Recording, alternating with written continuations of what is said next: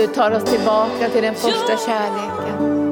Och den elden ska brinna starkare än alla andra eldar i vårt liv. De ska släckas. Alla eldar som begär någonting annat än Jesus, alla de eldarna ska släckas.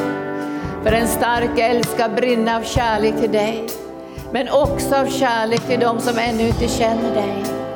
Ska den kärleken brinna med en het och kraftfull, sydlig låga i namnet Jesus. Tack Jesus. Åh, vilken kärlek vi känner. Visst, ja, visst är det starkt det här. Vi bara står här och förundrade över den här kärleken. För Herren håller på, han uppenbarar ju alltid sitt hjärta men han går lite djupare nu. Och det kan hända att vi går in också i den sista tiden. Men han kommer att uppenbara sitt hjärta. Och det, vi kommer att märka i allas våra liv att kärleken till Kristi kropp och kärleken till trosyskon över världen kommer att öka. Men inte bara det, utan också kärleken till dem som ännu inte känner Jesus som sin frälsare. Och det ska jag tala om den här förmiddagen. Och vi kommer också be att kärleken ska förnyas i våra hjärtan. För vi har en fråga som du kanske också har. Älskar inte Gud längre de ofrälsta? Älskar han dem inte längre? Är han arg på dem? Det är en bra fråga. Eller älskar han dem fortfarande? För det står ju i skriften att straffet tog han på sig för att vi skulle få frid. Och genom hans sår har vi läkedom. Tack lovsångare. Tack Jesus. Så vi ska tala om det här idag, om kärleken till de som ännu inte har tagit emot Jesus som frälsare. Bibeln kallar dem för syndare. Och en syndare betyder ju en människa som ännu inte känner Gud. Alltså en syndare är en människa som är skild ifrån Gud. Och alla människor föds ju skilda ifrån Gud. Alltså alla människor som föds in i den här världen föds skilda ifrån Gud. Men när de föds skilda ifrån Gud så finns det en sån otrolig längtan i Guds hjärta att de ska hitta hem. Alltså den kärleken som Gud har i sitt hjärta, det, alltså vi förstår inte den om inte den helige Ande uppenbarar det för oss. För Bibeln beskriver ungefär så här, om ni som är onda förmår att ge era barn goda gåvor, hur mycket mer skulle då inte Gud ge goda gåvor? Alltså det, det, är som ett, det måste bli en uppenbarelseplats så att du och jag får del i Guds kärlek till människor som ännu inte känner honom och är på väg att gå förlorade. Och vi ska, se, vi ska bara börja läsa några bibelställen så ska vi titta på vad är det som gör att Jesus blir känd i den här världen? Vad är det som gör att han blir känd? Det ena som gör att han blir känd är att vi älskar varandra. Det andra som gör att Jesus blir känd är ju att det syns att Guds församling lever i ett kärleksoffrande till honom. Och det tredje är att evangelium förkunnas rent och klart om Guds outsägliga kärlek och stora rikedom i Jesus Kristus. Därför när glädjebudbäraren går ut så är det med glädje, eller hur? Så när världen möter Guds folk så är det med en ofantlig glädje. Därför vi bär det som Bibeln kallar för försoningens ämbete. Kom hem, dina synder är förlåtna.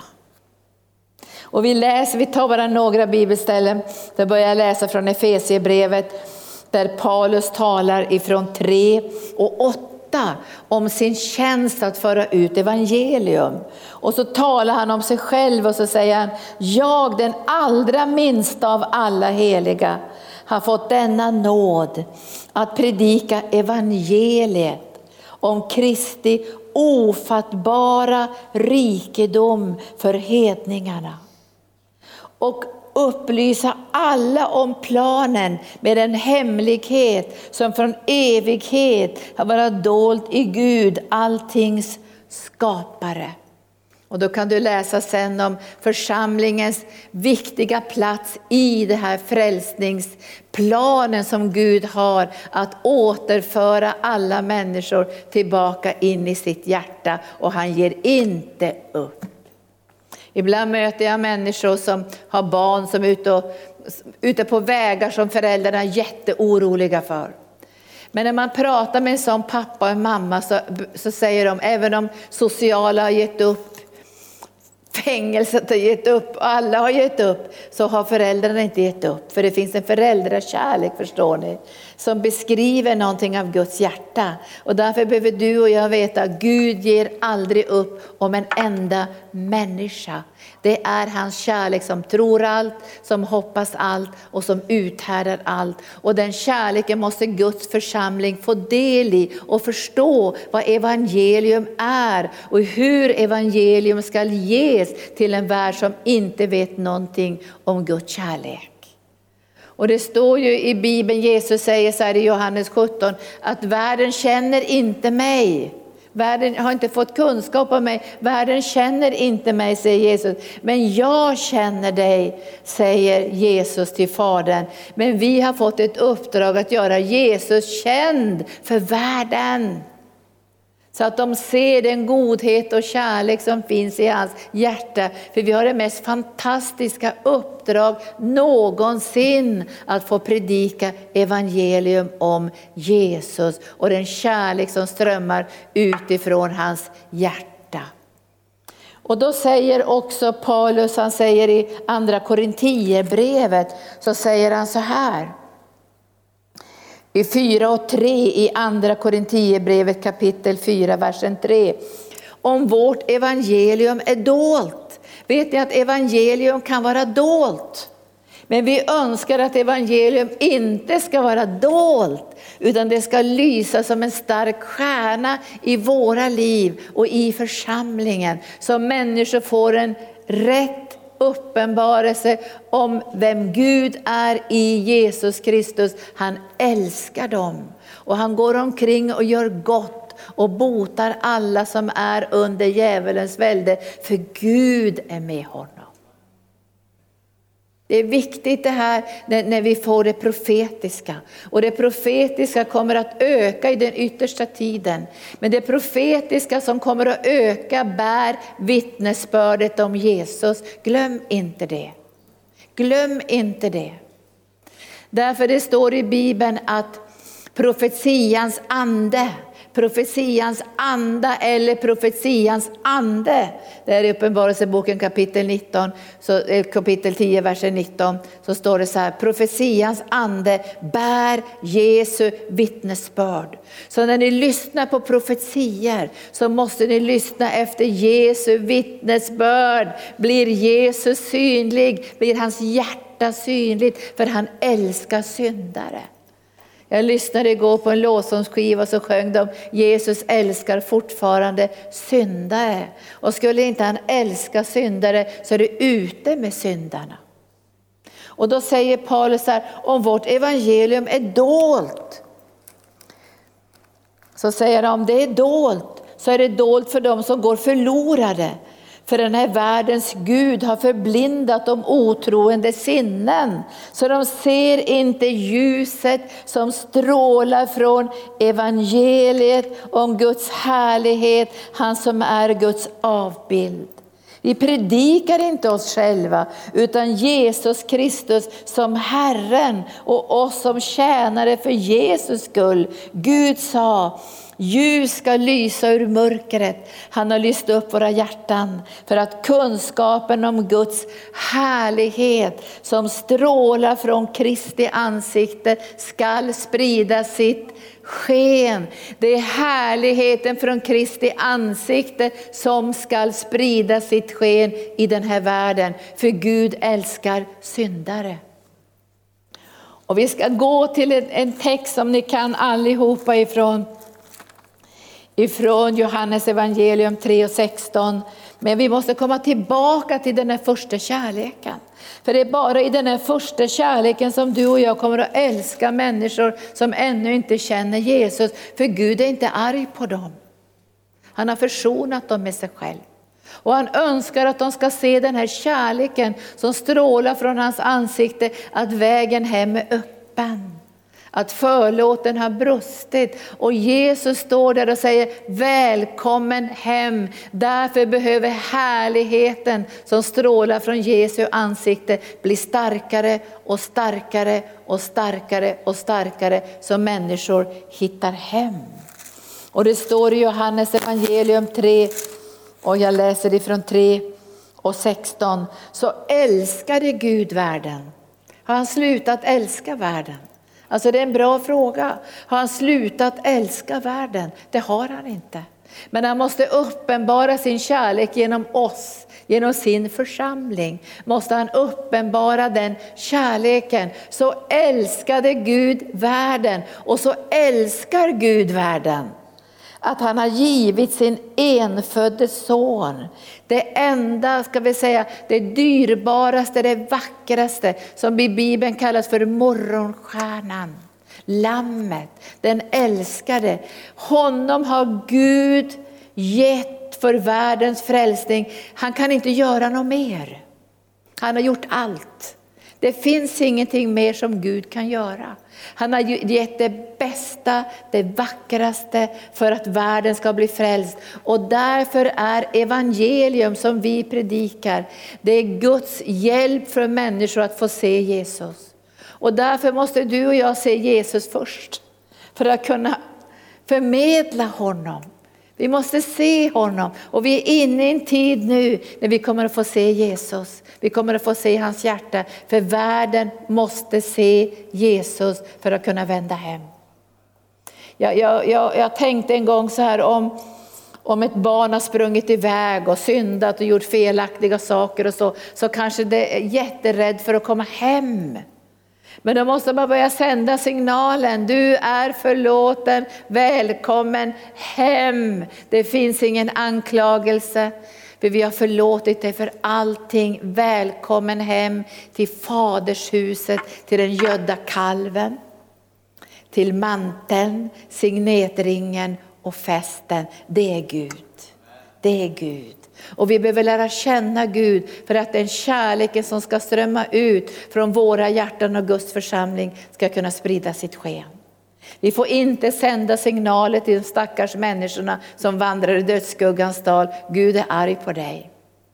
Han har låtit straffet gå över Jesus för att läkedom och frid ska kunna strömma in i den här världen. För att de ska se att vägen är öppen så älskade Gud världen att han gav sin enfödde son.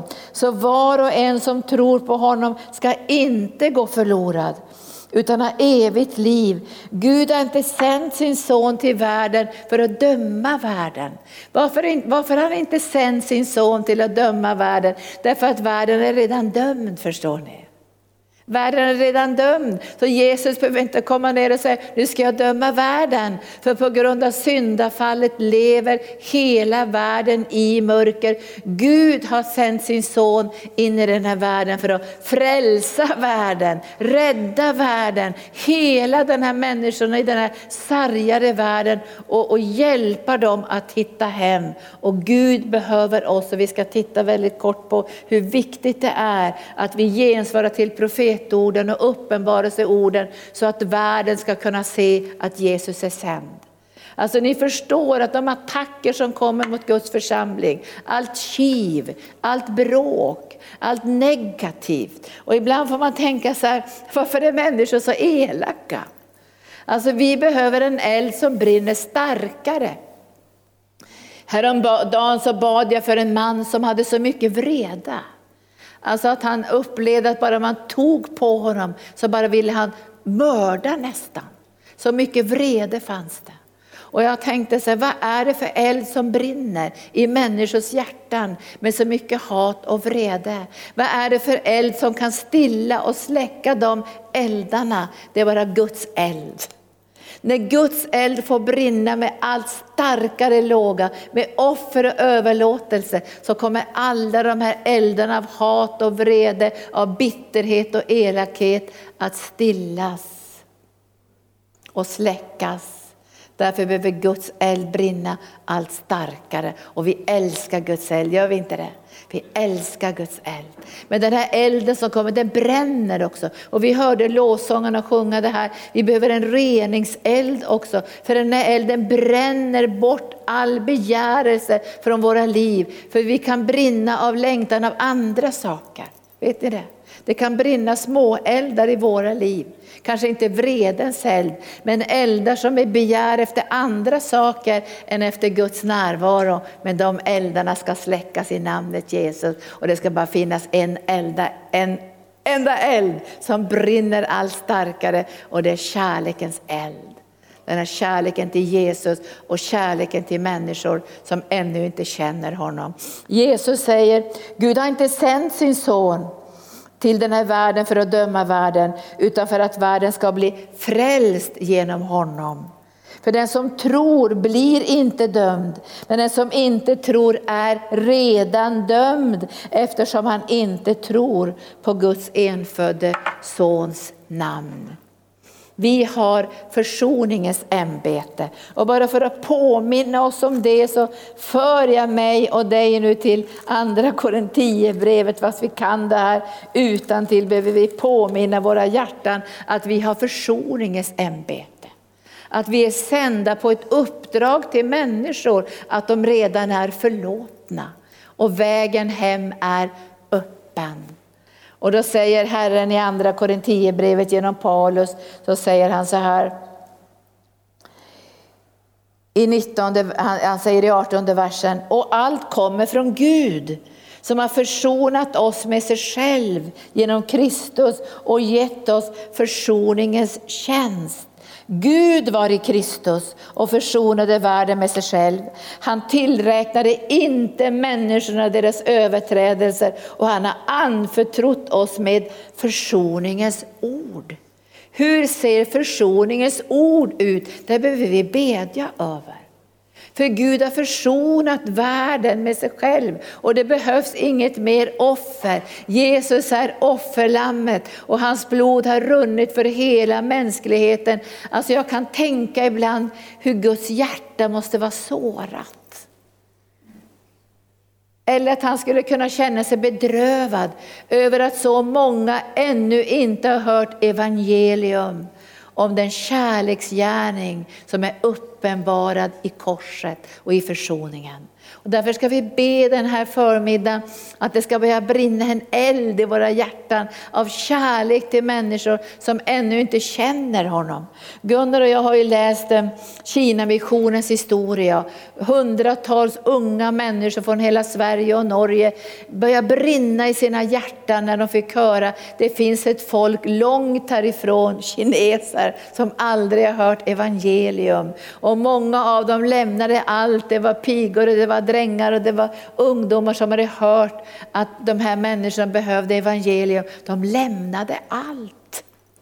Lämnade allt. Och många av dem dog innan de inte ens kom fram för det var så långa resor. Och det var inte sådana här korta teamresor på två veckor utan man, många gånger var man hela livet där. Och vi har en hel bok om martyrerna. Många unga människor i 17-20-årsåldern, de, de dog på en gång. Alltså det var så mycket krig och så mycket uppror. Men deras blod vittnar om, vadå? Kärlek till Jesus.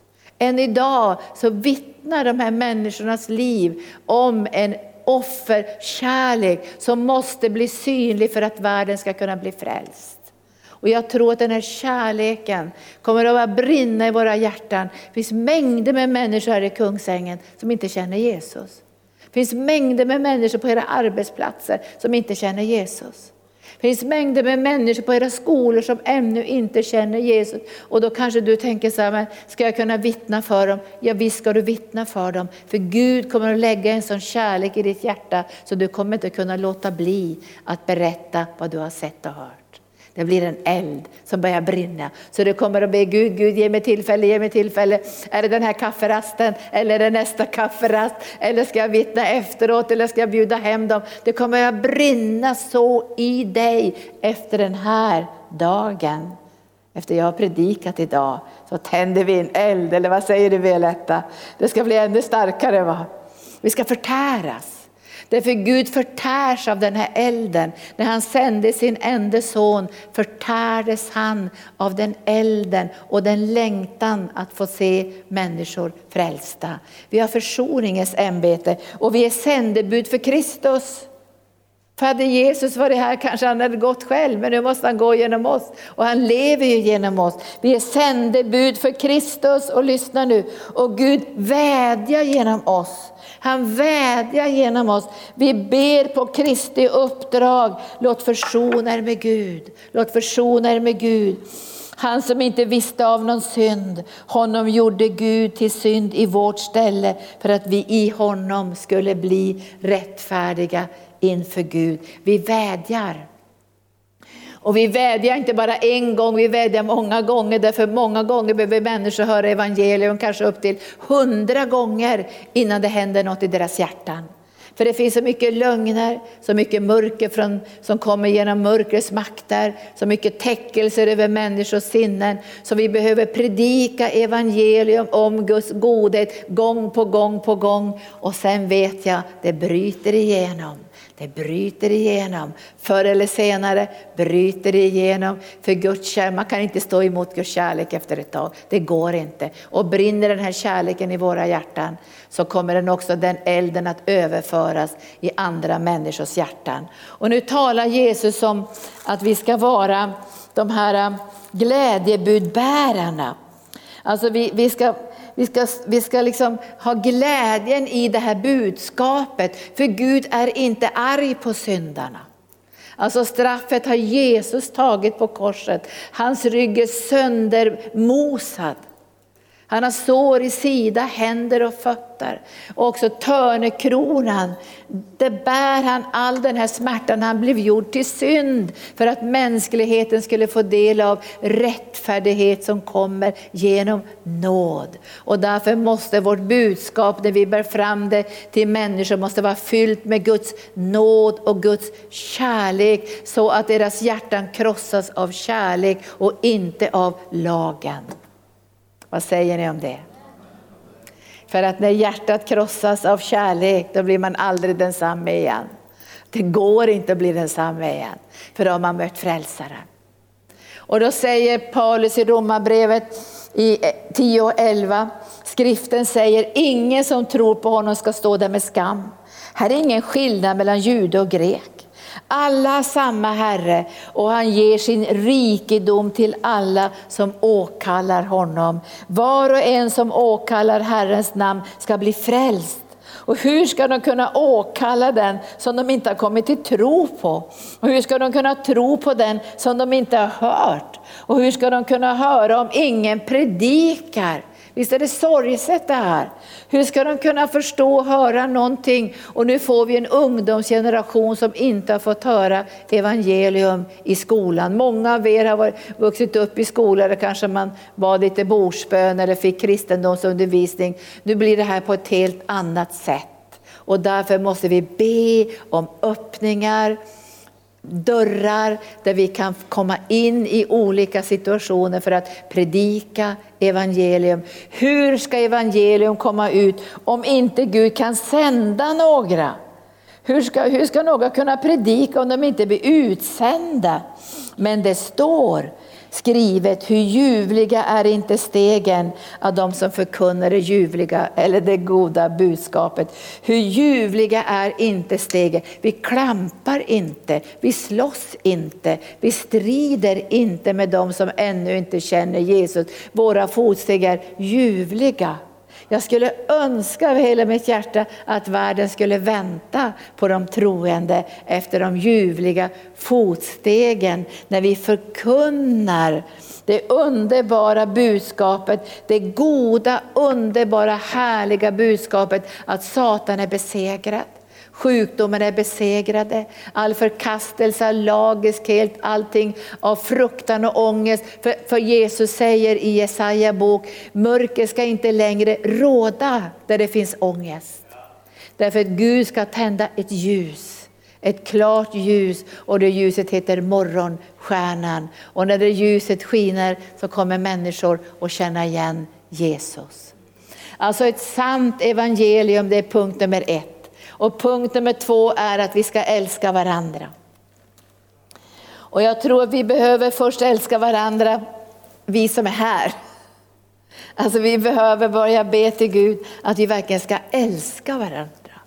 Och när vi älskar varandra så är vi mån om att det som Gud har lagt i varandras liv ska få utrymme. Alltså det blir en kärlek och en omsorg om varandra. Jag tror att Gud håller på att göra någonting. För världen kan inte se Jesus om vi inte älskar varandra, vet ni det? Och jag ska bara läsa de två bibelställena. Och det står i Johannes evangelium. Alltså världen kan inte se Jesus om vi inte älskar varandra. Och då säger Jesus i kapitel 13 och så säger han i versen 34, ett nytt bud ger jag er. Ett nytt bud ger jag er. Och det här är liksom en, kan man säga nästan en form av befallning. Johannes evangelium kapitel 13, versen 34. Ett nytt bud ger jag er, att ni ska älska varandra. Som jag har älskat er ska ni också älska varandra. Om ni har kärlek till varandra ska alla förstå att ni är mina lärjungar. Alltså, då förstår ni hur mörkret härjar. För mörkret vill inte att världen ska se Jesus. Och när den kärleken mellan trossyskonen kallnar, då kommer inte världen att förstå vems lärjungar vi är. Jesus längtar efter att världen ska se att det finns lärjungar till Jesus. Vet ni att de första lärjungarna kallades inte Jesu lärjungar från början? Alltså på det sättet, de kallades de som gick på vägen. Men efter ett tag så börjar man kalla dem för kristna, därför de, på, de påminde om Kristus. Och det finns ju också texter där de säger så här, men vilka är de där? De är ju inte utbildade. Hur har de fått den här visdomen ifrån? Och så säger de så här, men det där är ju Jesu lärjungar. Så när vi älskar varandra, och nu tror inte jag på att vi ska försöka pressa fram någon liten kärlek till varandra, utan vi ska be om hjälpen från den heliga Ande och uppenbarelsen över hur viktigt det är att den kärleken blir synlig ibland oss för världens skull för världens frälsnings skull. Så vi får lägga undan allt det här elakhet och kiv och bråk. Vi får lägga undan det och be att vi ska ha försoningens ämbete och kunna välsigna med det lilla som Gud har lagt i våra liv. Vi kan inte stå och skryta och säga att vi har fått 150 pund. Men jag säger i alla fall varje dag, Gud använd mig så jag kan välsigna med någonting som du har lagt i mitt hjärta. Och sen ber jag nästa bön, Gud uppenbar vad du har lagt i arkens hjärta, så vi kan välsigna med det som du har lagt i arkens uppdrag och hjärta för att nå en sargad värld. Kärleken till varandra gör att det blir en uppenbarelse om lärjungaskap. Men Jesus säger också i 17 och 23, så säger han så här, de är fantastiskt fina orden.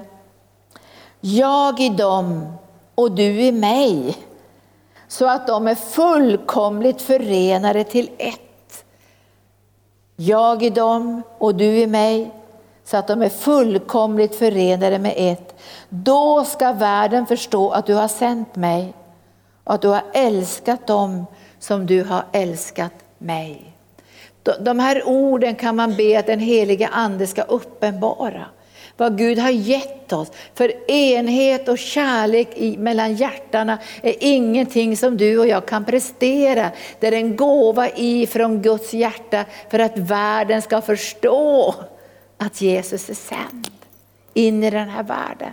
Alltså det är en del av själva uppenbarelsen och den är ett ansvar för oss också. För om världen inte ser den här kärleken, om världen inte ser lärjungaskap, då blir det som en alltför hög tröskel för dem att ta emot Jesus. Är det inte det?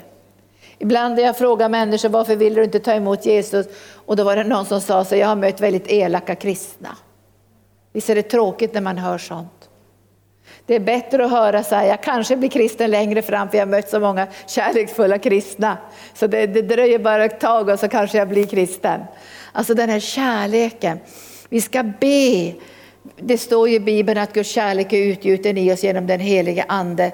Men vi ska be att den ska förmeras, förstärkas, brinna starkare. Ännu, ännu starkare i den här sista tiden. Och då behövs det för var och en av oss att vi ger ett kärlekens offer. Och jag ska läsa det till sist. Därför världen behöver se att det finns ett pris. Och pastor Gunnar han sa till mig så här häromdagen att, att är det ingen pris i Jesu efterföljelse, då är det nog inget liv som vi lever för Gud.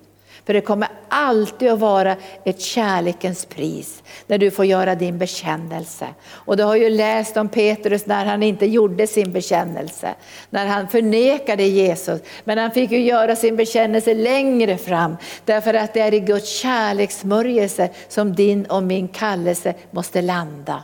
Den måste landa i Guds kärleksmörjelse och det är därför som Jesus frågar Petrus, älskar du mig tre gånger? För nu måste kallelsen förankras någon annanstans än i hans egen kraft och egen prestation och sin egen förmåga. Det måste rota sig i den andliga kärleken och det är därför som vi måste tillbaka till den första kärleken.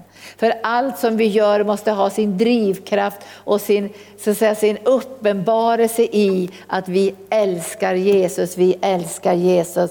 Och jag ska avsluta och läsa om den här fina texten ifrån, ifrån Johannes evangelium kapitel 12 om det här offret. Maria hon, hon älskade ju Jesus, vet om att hon sitter vid Jesu fötter. Hon hade en väldigt speciell relation med Jesus. Alltså det står hon satt vid Jesu fötter och Marta stressade mer omkring. Nu tror jag att det är lika viktigt att laga mat och städa och sådana saker. Men vi kan alltid göra allt med Jesus. Allting med Jesus. Alltså vi kan ha uppenbarelse om hans närvaro i allt som vi gör. Vi behöver aldrig någonsin gå ur hans närvaro. Aldrig.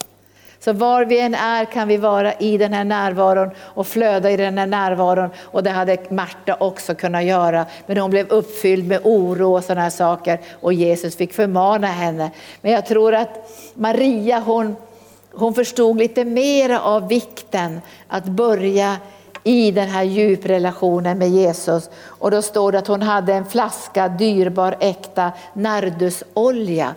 Det verkar som den här nardusoljan, den kostade så mycket så det var en årslön för en arbetare. En årslön för en arbetare. Och jag kan tänka mig att hon tänkte så här, jag ska ta det bästa av det bästa av det bästa av det bästa av det bästa som jag har och jag ska hälla det över Jesus. Kanske du idag känner så här, vad är det bästa du har i ditt liv? Det, det kanske är som det blev för mig med de där hundra husen, att det var min förkunnelse som fick bli mitt bästa, att jag fick ge det till Herren som en kanal för att hjälpa människor över världen.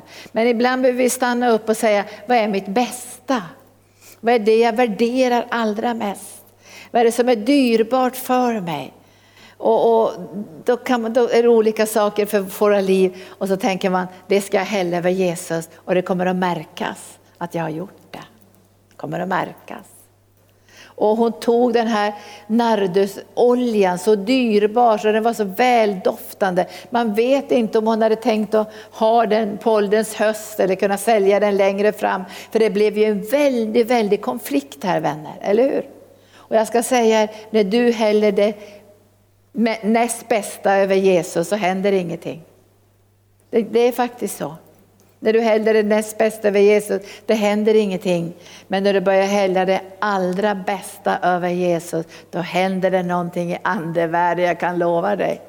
Alltså här blev det en reaktion. Hon tog det bästa av det bästa av det bästa av det bästa. Hon gjorde nog bara det av ren kärlek till Jesus. Hon förstod nog inte att hon gjorde en profetisk handling. Och jag ska säga det många gånger, när du ger det bästa av det bästa till Jesus så blir det en profetisk handling. Inte inför hans död utan inför hans återkomst. Och det kommer att märkas.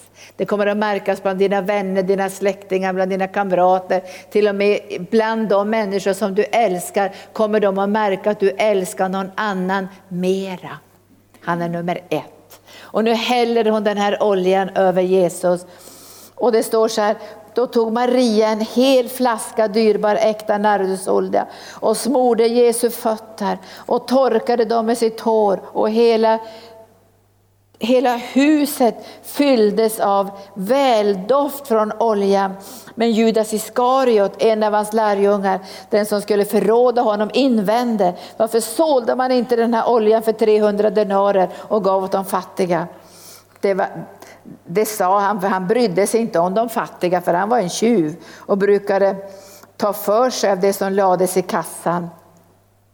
Och ni vet också att i ett annat ställe står det att de andra lärjungarna protesterade också och invände till slöseriet. Jag ska säga dig, när du ger det bästa och det bästa till Jesus så är det det viktigaste av slöseri i andevärlden. Jag ska säga, det, det, det blir sånt slöseri av en sån härlighet så det blir ett levande vittnesbörd från våra hjärtan till hans hjärta att han är det viktigaste av det viktigaste av det viktigaste för våra liv. Nu säger Jesus till dem, låt henne vara. Hon har sparat det här till min begravningsdag. De fattiga har ni alltid bland er, men mig har ni inte alltid. Så nu ska vi be här, vi ska alldeles strax avsluta nu det här mötet för kanal 10. Men, men du är med mig nu i den här bönen för vi ska be att Herren ska fylla oss med kärlek till de ännu inte frälsta som finns i vår närhet. Vi behöver inte tänka på Nepal och Indien just nu eller Filippinerna, eller Kambodja, eller Vitryssland eller Ukraina. Nu ska vi tänka på dem som är ganska nära våra liv, eller hur? Och vi kommer ganska snart att sätta upp en, en stor korg här så du ska få lägga i, om vi brukar kalla det för bönebarn. Då som du håller inför Guds ansikte. Nu ber jag dig heliga Ande att vi får se Jesu hjärta idag. Den kärlek han har till människor som ännu inte är frälsta. Så vi inte grips av vrede över synden. Så vi slår på synden i människors liv. För du har ju försonat synden. Du har ju låtit ditt blod lyfta bort all synd för att världens människor ska se ditt hjärta och din kärlek. Och jag ber dig helige Ande att du öppnar våra ögon så vi ser att du Jesus var straffad för mänsklighetens synd. Att du var slagen för mänsklighetens synd. Att du var förkastad för mänsklighetens synd. Och vi ber dig helige Ande att du fyller oss just nu med en övernaturlig kärlek. Visa oss de människor som står oss ganska nära eller i närheten där vi bor eller lever eller i kontakt med människor och lägg en övernaturlig kärlek i våra hjärtan som kommer genom Jesus sår så vi kan nå dem med evangelium. Och hjälp oss att dela evangelium med en sån kärlekens eld att alla andra eldar av bitterhet och hat och kärlek till världen och pengar eller vad än det kan vara. Alla de eldarna släcks när kärlekens eld brinner starkare och starkare i deras hjärtan och i våra hjärtan. Så kom helige Ande. Nu får ni komma upp lovsångare. Tack Jesus. Och vi säger alldeles strax tack till kanal 10 och jag säger vi älskar er i kanal 10. Vi är så jätte, jätteglada över att få ha det här samarbetet med er. Och det dröjer inte särskilt länge. Vi kommer också ha tre timmars program på kanal 10. Vi kommer att meddela det eller informera om det lite längre fram som vi kommer att ha också. Vi kommer att kunna intervjua människor och få dela djupa saker med varandra och uppenbarelse och ljus som kommer genom människors liv. Så tack ska ni ha. Då prisar vi Herren. Tack Jesus. Och vi, visst är vi tacksamma. Vi är så tacksamma.